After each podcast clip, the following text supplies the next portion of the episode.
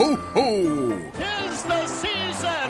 Fa la la la la la la Fontaine! We have fun with Santa, but we should always remember 25th, baby Jesus born.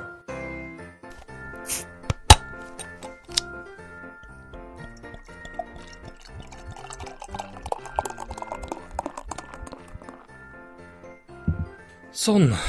Da er det endelig julaften, gutter og jenter, og det betyr også den siste episoden i NHL-prats julekalender, noe jeg syns fortjener en skål.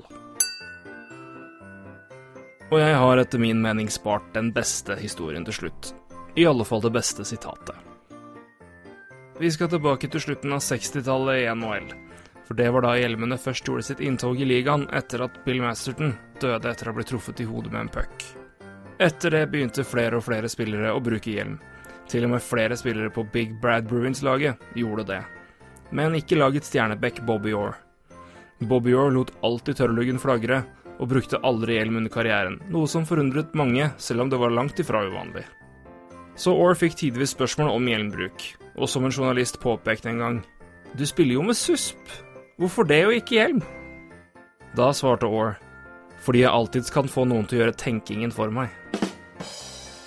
Og med den godbiten fra Bobby Orr, så takker jeg for meg. Takk til dere som har fulgt julekalenderen gjennom adventstiden, og til dere som følger NHL-prat i det hele tatt. Jeg håper dere får alt dere ønsker dere, og enda litt til. Så lenge det ikke er panfløyte, da. I så fall kan dere dra til helvete. God jul.